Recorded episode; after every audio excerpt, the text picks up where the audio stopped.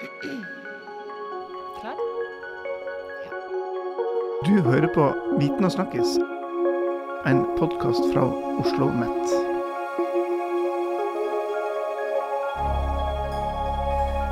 Velkommen til en ny episode av podkasten Viten og snakkes. Jeg heter Halvard Lavoll, og i dag har jeg med meg Gunn Helene Engelsrud. Velkommen tilbake. Gunn.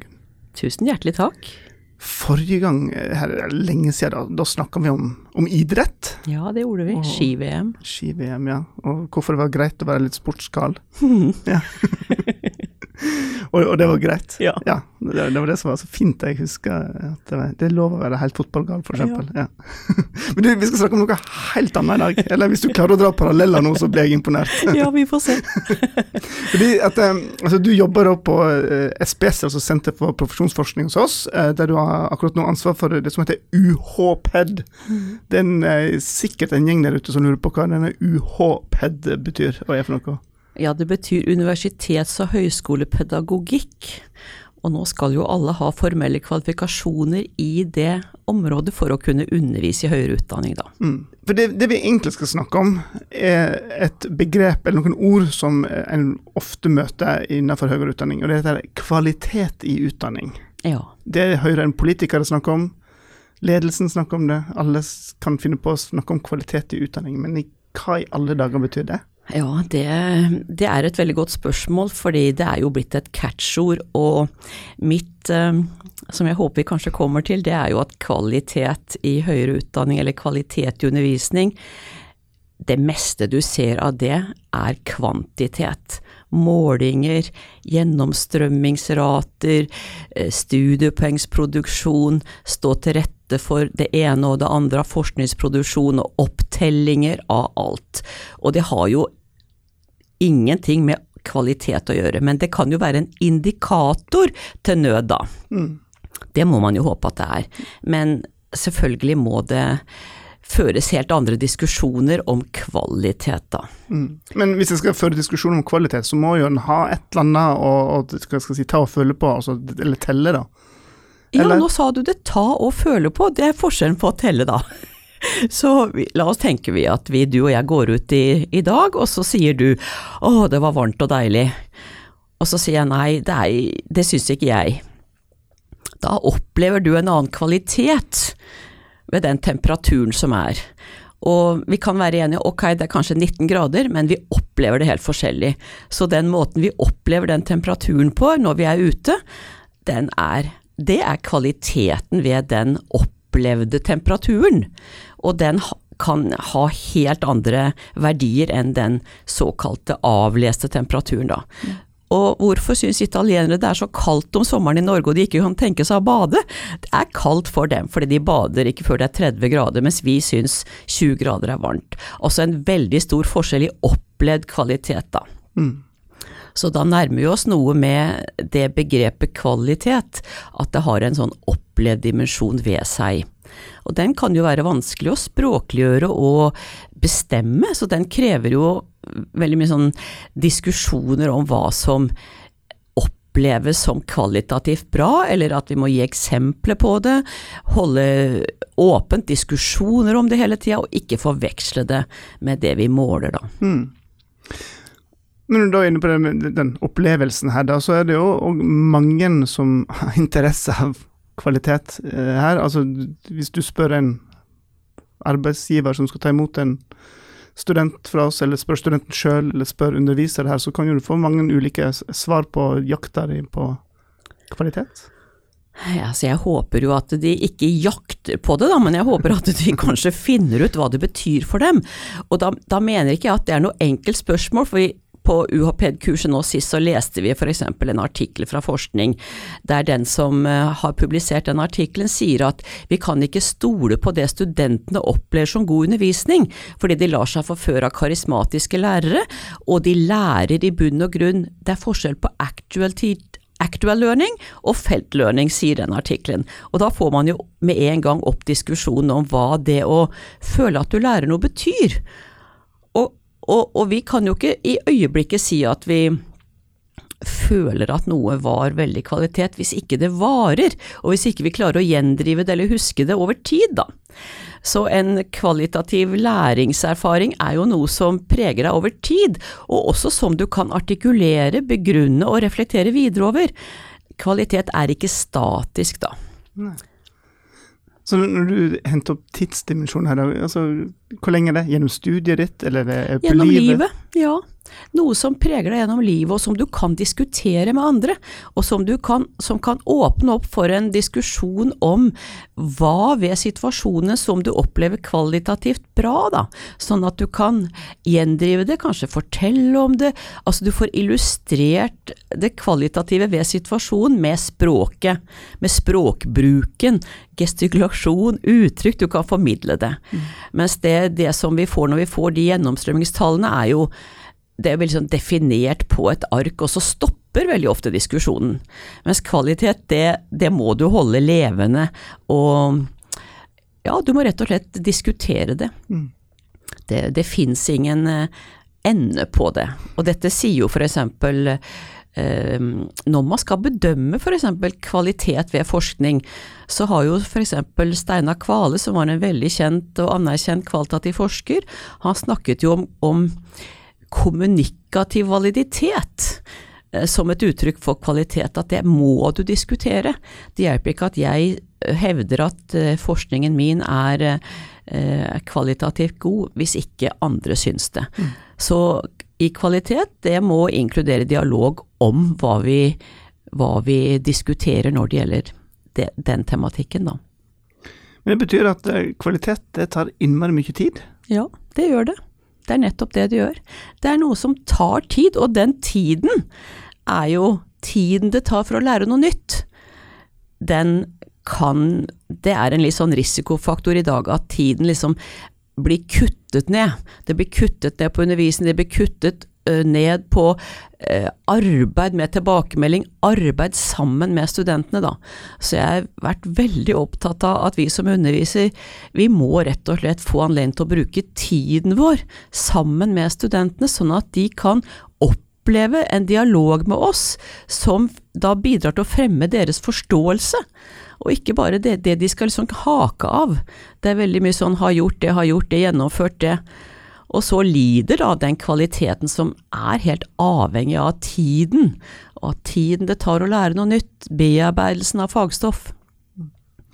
Men én ting, altså når du driver på med UH-peden din og, og, og, snakker om disse temaene her, så er det liksom undervisernes forståelse av kvalitet. Ja. Eh, men trenger studenten Altså, hva slags forståelse trenger studenten av kvalitet, eller er det viktig i hele tatt? At den altså, har en forståelse for hva, hva underviseren ser etter? Altså, undervisning og læring kan jo på en måte ikke skilles, sånn at det at studenten lærer, eh, det betyr jo at den som underviser også må være i en lærende posisjon, da. Sånn at underviseren lærer av studentenes eh, oppmerksomhet f.eks., og veldig mange av våre deltakere vil jo slite med det, å fange studentenes oppmerksomhet. Det er jo noe av det undervisere sliter med i dag. Studentene driver med noe annet i timene, og hva skal underviseren gjøre for å få det til, for å engasjere studenten?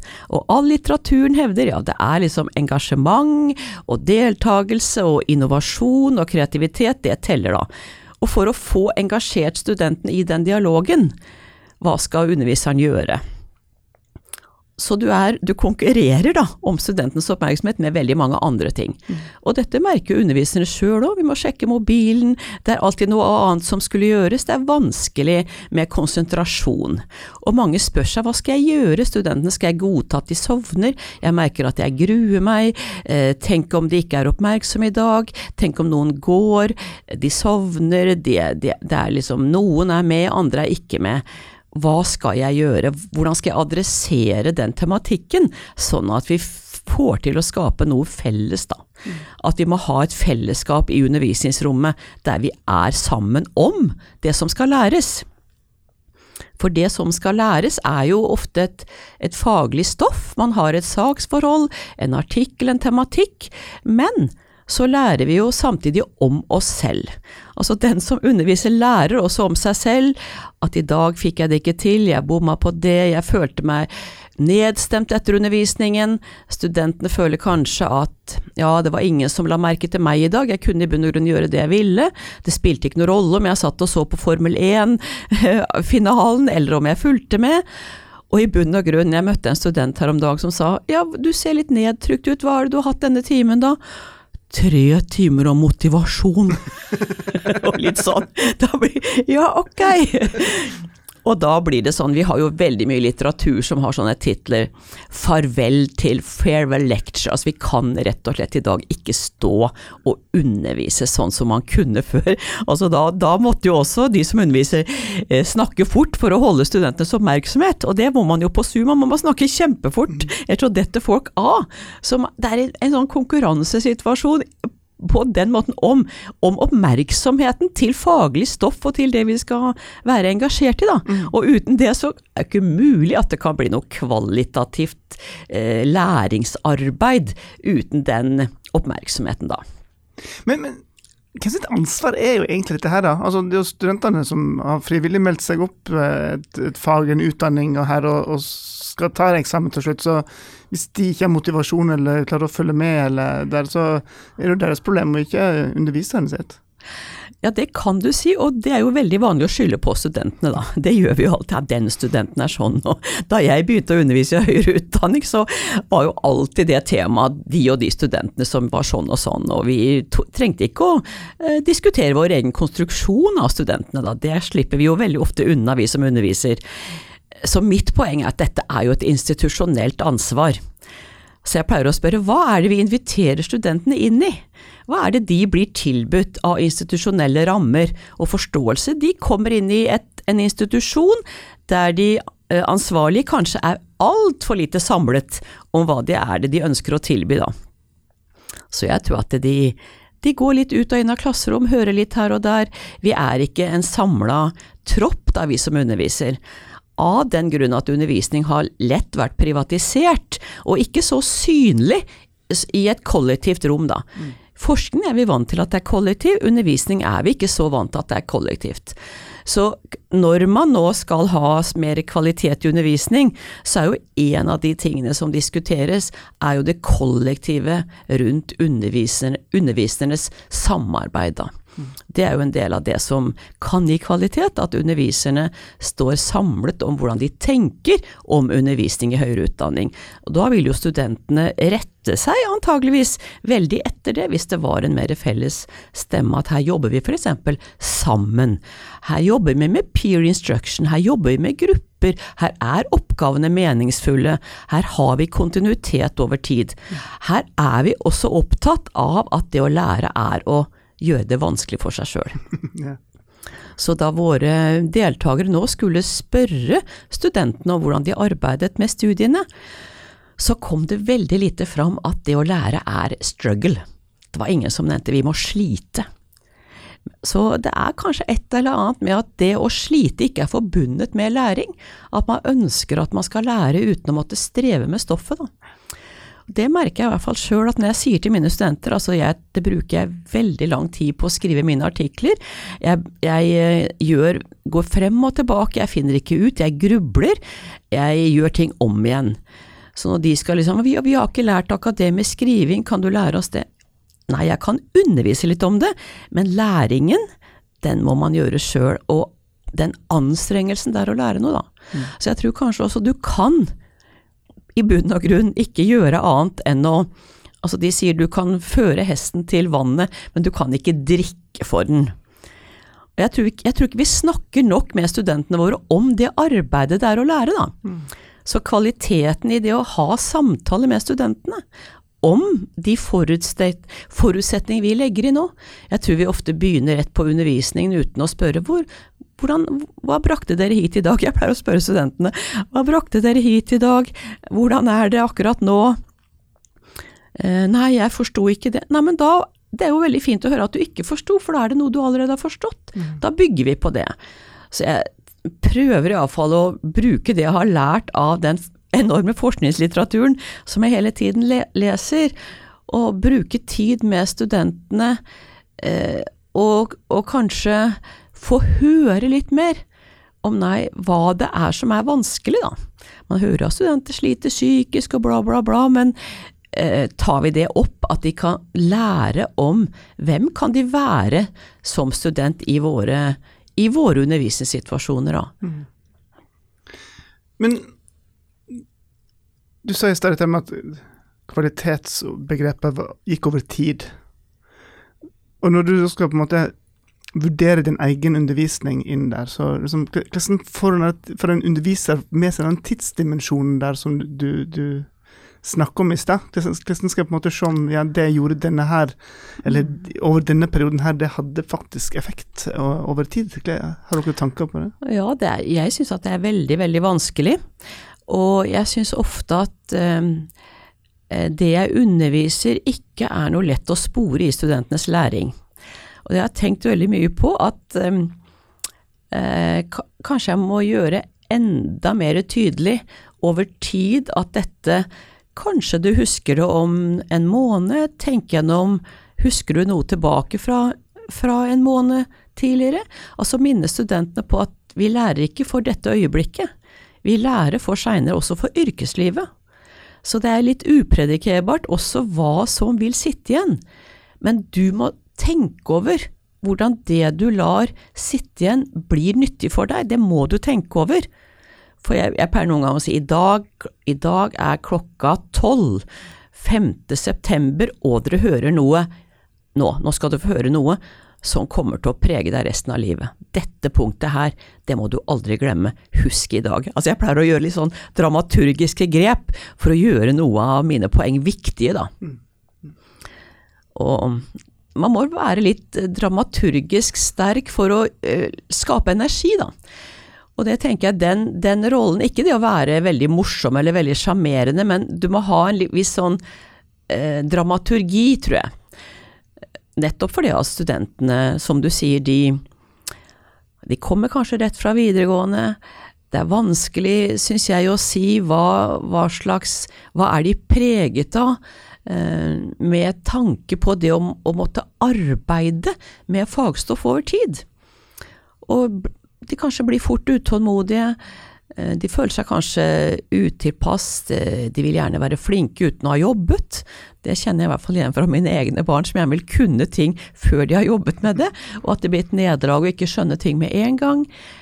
Jeg innbiller meg litt at sånne ting er det vi står imot, eller står opp imot, med dagens, eh, eller dagens ungdom. Man kan ikke si at det er én gruppe, men i hvert fall noe der som gjør at det, det er jo vanskelig helt å i hvert fall etter hvert som man blir eldre, så for meg er det litt vanskelig å vite helt om jeg er på lag med dem, eller hva jeg kan tilby uh, med tanke på sånn min egen vane med å jobbe veldig hardt med å forstå ting, da. Hva tenker du nå fremover? Fordi nå har vi jo blitt kasta med korona, og så har vi gått sånn hele veien til sånn helt digitalt uh, mm. Og litt av de tingene du har nevnt nå, mm. går ikke så lett i den digitale sfæren.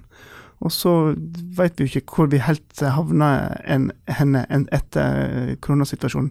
Hvor skulle du ønske vi havna der nå? Vil du tilbake til sånn det var før, eller ser du for deg mulighet for en litt sånn ny ny måte å gjøre dette på? Altså, vi kan kanskje gjøre litt forskjellige ting, da. Jeg tenker at det å undervise er jo også å ha et repertoar, og ikke være sånn helt låst av din egen måte å måtte gjøre det på. Så det er jo veldig viktig med sånn fleksibilitet og eh, kontekstualisering. Hva driver vi med nå, og hva kom det ut av dette? Så det å prøve å få studentene med på hva, hva syns dere det kom ut av denne måten å arbeide på i dag? Sitter du igjen med noe, er det noe du kan fortelle om som du la merke til?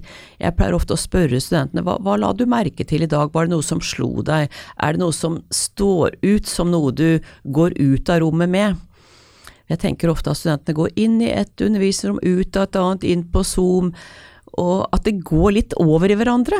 At ingenting kommer ordentlig til sin rett. Og hvis man ikke klarer å fastholde noe, og, og, la det få plass der, da. La det få en plass, altså få tid til å, få tid til å artikulere. Hva, hva sitter jeg igjen med? Si ting med dine egne ord. Og det gjør nok studenter litt seg imellom, når de jobber i kollokvier og de prøver hverandre ut, og de kan teste hverandre litt og spørre hverandre, og, og det er jo en veldig stor verdi det studenter lærer av hverandre, da. Så det er viktig å fremholde den ressursen de er for hverandre, og de ressursene de har i litteratur, i rommene i oss, at de bruker, de til, bruker det dialogisk, da. Mm, mm. Du har skrevet et par uh, debattinnlegg i Krono uh, mm. om dette temaet, som vi skal ta og lenke til i, uh, i denne podkasten her. Mm. Uh, en av tingene du var inne på, var dette her med det gode, gamle pensumet. Ja. Er ikke det, er godt og trygt å ha det skrevet ned hva en skal gjennom? Ja, altså Vi må lese for å lære. Det, det, det, vi kan ikke suge det vi skal lære av eget bryst. Og det pleier jeg å si til studentene. Erfaringer er viktig, men uten at du leser og blir opptatt av hva har andre sagt, så blir det heller ikke mulig å skrive noe. Det blir ikke mulig å løse en eneste oppgave. Så jeg pleier å si lesing, skriving, tenkning, eh, følelser, det å være til stede, oppmerksom med det lærestoffet man har, da. Og så kaller vi jo så kaller vi det liksom sånn pensum kalte vi det, så kaller vi det såkalt kjernelitteratur, så sier vi at studentene selv må finne pensum. Så er det jo veldig viktig at vi må finne litteratur sjøl òg, men det er veldig viktig at vi som underviser har forslag på litteratur, og at vi engasjerer studentene i den litteraturen. Men jeg har også nå i høst eh, lagt studenter finne egne artikler, f.eks. Og da lærer jo jeg mye, for da lærer jeg mye av å se hva slags valg tar de når de skal velge litteratur. Og det er veldig nyttig, for da får jeg et inntrykk av det de har med seg inn. Og det er andre ting enn det jeg ville valgt for dem, men det skaper da dialog om de valgene, og det får opp den tematikken på en mer synlig måte. Mm.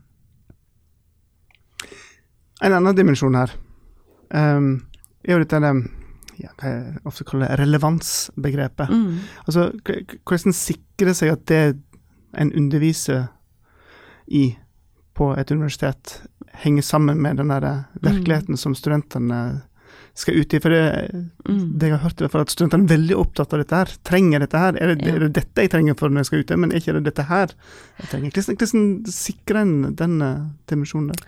Det er, det er skikkelig godt spørsmål, for du vet at du har sikkert også, som alle har hørt om praksissjokket, at studentene får et såkalt sjokk når de kommer ut, da, og at de møter øvingslærere og andre som sier glem det du lærte i utdanning, og her er det reelle. Og jeg har snakka mye med studenter om det, at jeg tror dere trenger et teorisjokk, fordi dere trenger å lese og forstå ting på en annen måte.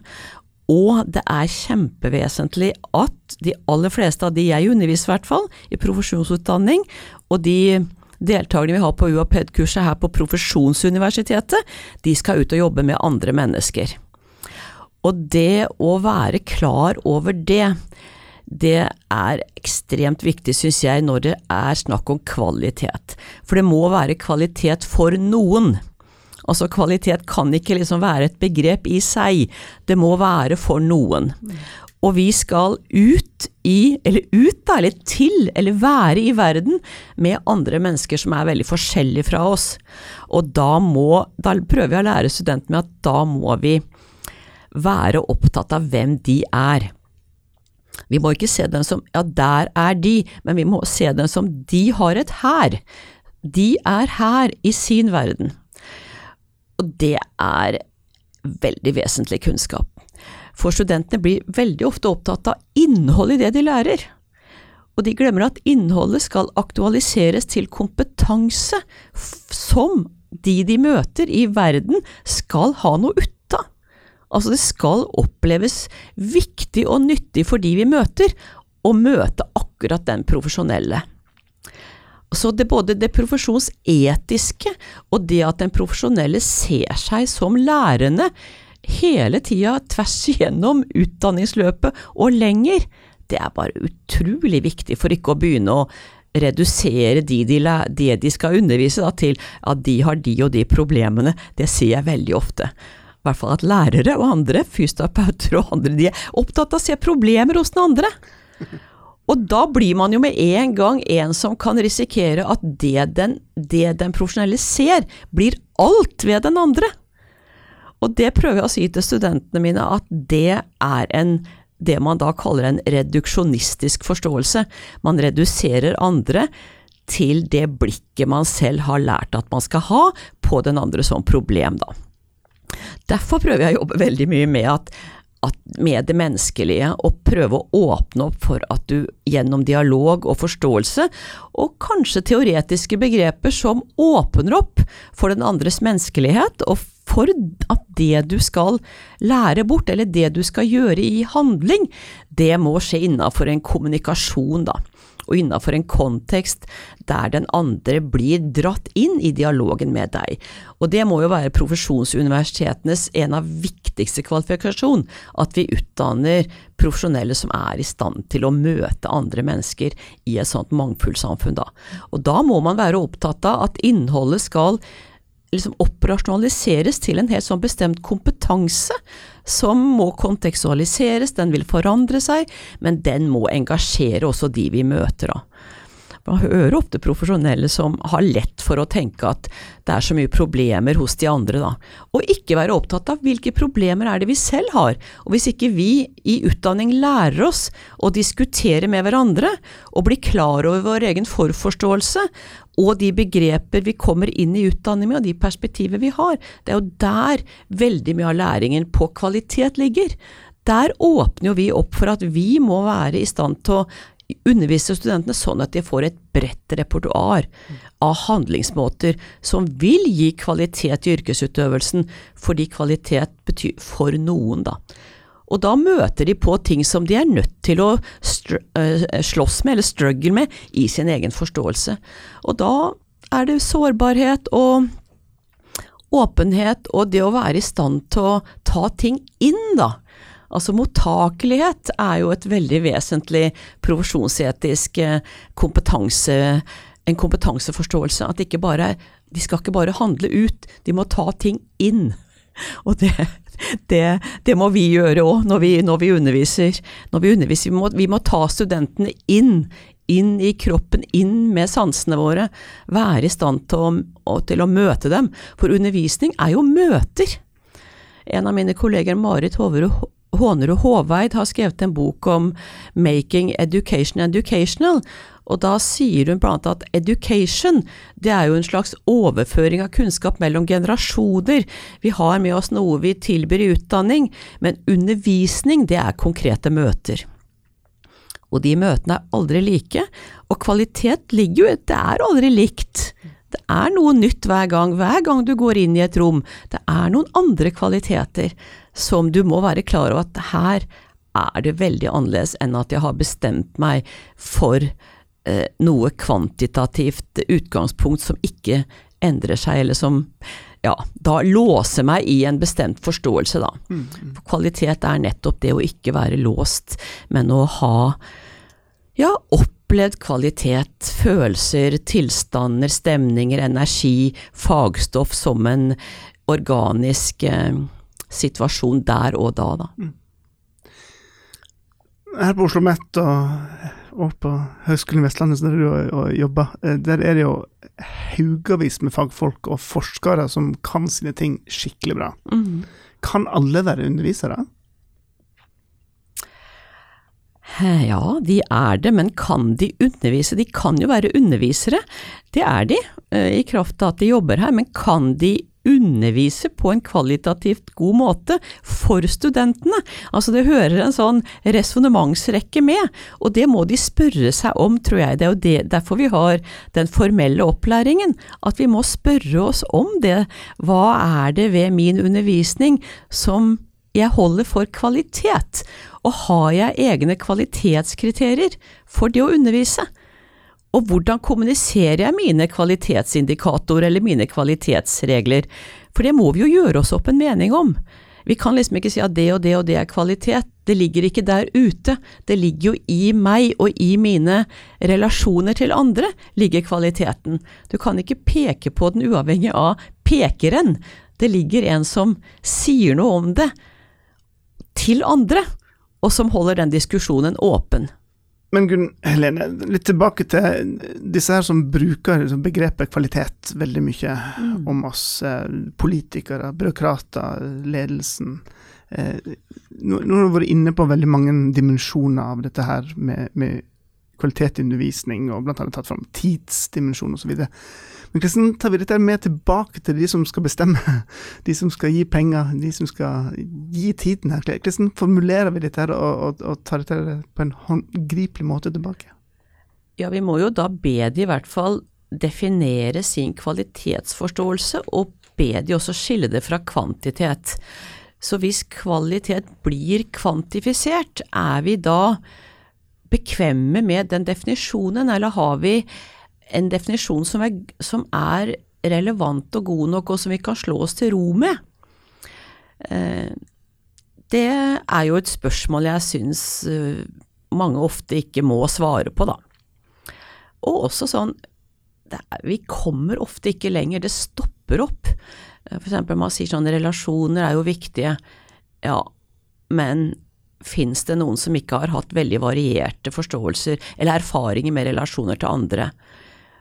Eh, Fins det noen som ikke har opplevd at eh, de stopper opp og begynner å lure på hvor de befinner seg i undervisningen? Det er akkurat sånne stoppunkter, og det å gi seg den tiden som man er nødt til å gjøre hvis man skal snakke om kvalitet, da.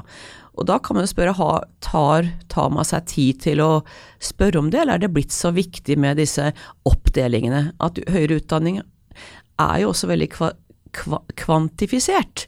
Altså det er veldig mange indikatorer som gir penger. Og det å bruke tid, gjennomstrømming eksempel, nå skulle jeg skrive, nå har jeg veiledet 14 doktorgradsstudenter, og så skulle jeg skrive på CV-en hvor mange tok det på normert tid. Da blir det en indikator, ikke hva, hva kom det ut av de avhandlingene? Jeg ville gjerne ha skrevet hva slags kunnskap har de 14 produsert, men det jeg må gjøre for å være en god veileder er hvem gjorde det på normert tid. Det kaller jeg ikke kvalitet, det kaller jeg kvantitet. Og sånn er det veldig mye av. Men de som da vil ha de 14 eh, definerte eh, avhandlingene kvantifisert, de er jo opptatt av at det er et indikator på at det er bra. Og det mener jeg det er en stor misforståelse, da. Men da er det ikke tid til at jeg kan skrive 14 små essay som de 14. Det kunne jeg gjort, jeg kunne holdt et foredrag og sagt at her er det stor grunn til å fortsette med å tenke hva er det vi har fått vite av kunnskap? Og det syns jeg veldig ofte vi mister. Hva kom det ut av det? Hvor står vi kunnskapsmessig? Hva bidro den kunnskap til den avhandlingen til, mer enn å hake av? Og når man skal søke om å bli universitetsstatus, sånn som vi skal på Høgskolen på Vestlandet, så er det å hake av for det ene og det andre veldig viktig. Og da tenker jeg litt sånn, mon om det ikke skulle kreves en litt mer diskusjon om kvalitet her. Mm. Denne her uh, diskusjonen, debatten om hva kvalitet den uh, er vel av natur blir vi, vi, blir vel av natur aldri ferdig med den? Nei, jeg tror ikke vi blir ferdig med det, for det handler jo om å kommunisere og tenke at det å arbeide med ting også er en kvalitet. Jeg sier altså gitt at vi Jeg skulle ønske at noen sa mer sånn gitt at vi ser at her finnes det diskusjoner om kvalitet. Altså på denne institusjonen har vi har personalet jevnlig møter om undervisningen. De deler erfaring fra undervisning, de snakker om hvordan de arbeidet med vurdering, de har det jevnlig som en institusjonell praksis. Det er en indikator på at de jobber kvalitativt. Mm. Men det har jeg veldig sjelden sett. Det er sånn hvor mange besto eksamen, eh, hvor mye ressurser brukte de, besto alle arbeidskravene? Var gjennomstrømmingen riktig? Hadde vi frafall? Tusen takk for at du vil komme og eh, dele dine tanker om dette store temaet her. ja, takk for at jeg fikk eh, snakke om det. Jeg håper at kvalitetsdiskusjoner da blir en nå, nå, foregår nok sikkert det, men at det blir en mer synlig del av det vi forbinder med kvalitet i høyere utdanning, eller i undervisning, da. Mm. Veldig bra at du løfter dette her. og så det ble litt sånn overveldende her, så jeg må liksom igjen ta tiden til mm. å sette seg inn i settinga. Og så eh, får jeg ønske deg lykke til med, med UHPED-kurset her, og ikke minst uh, ditt liv i Sogndal. Eh, der, du, som du sa før vi skrudde på record her, så for, sitter du og ser utover verdens vakreste Ja. fotballstadion, ikke sant? Jo, det gjør jeg. Det er fantastisk. Fosshaugane. Utenfor bruser elva, stadion er full av folk. Fantastisk. Ja. Helst til Sogndal. Takk skal du ha, det skal jeg gjøre.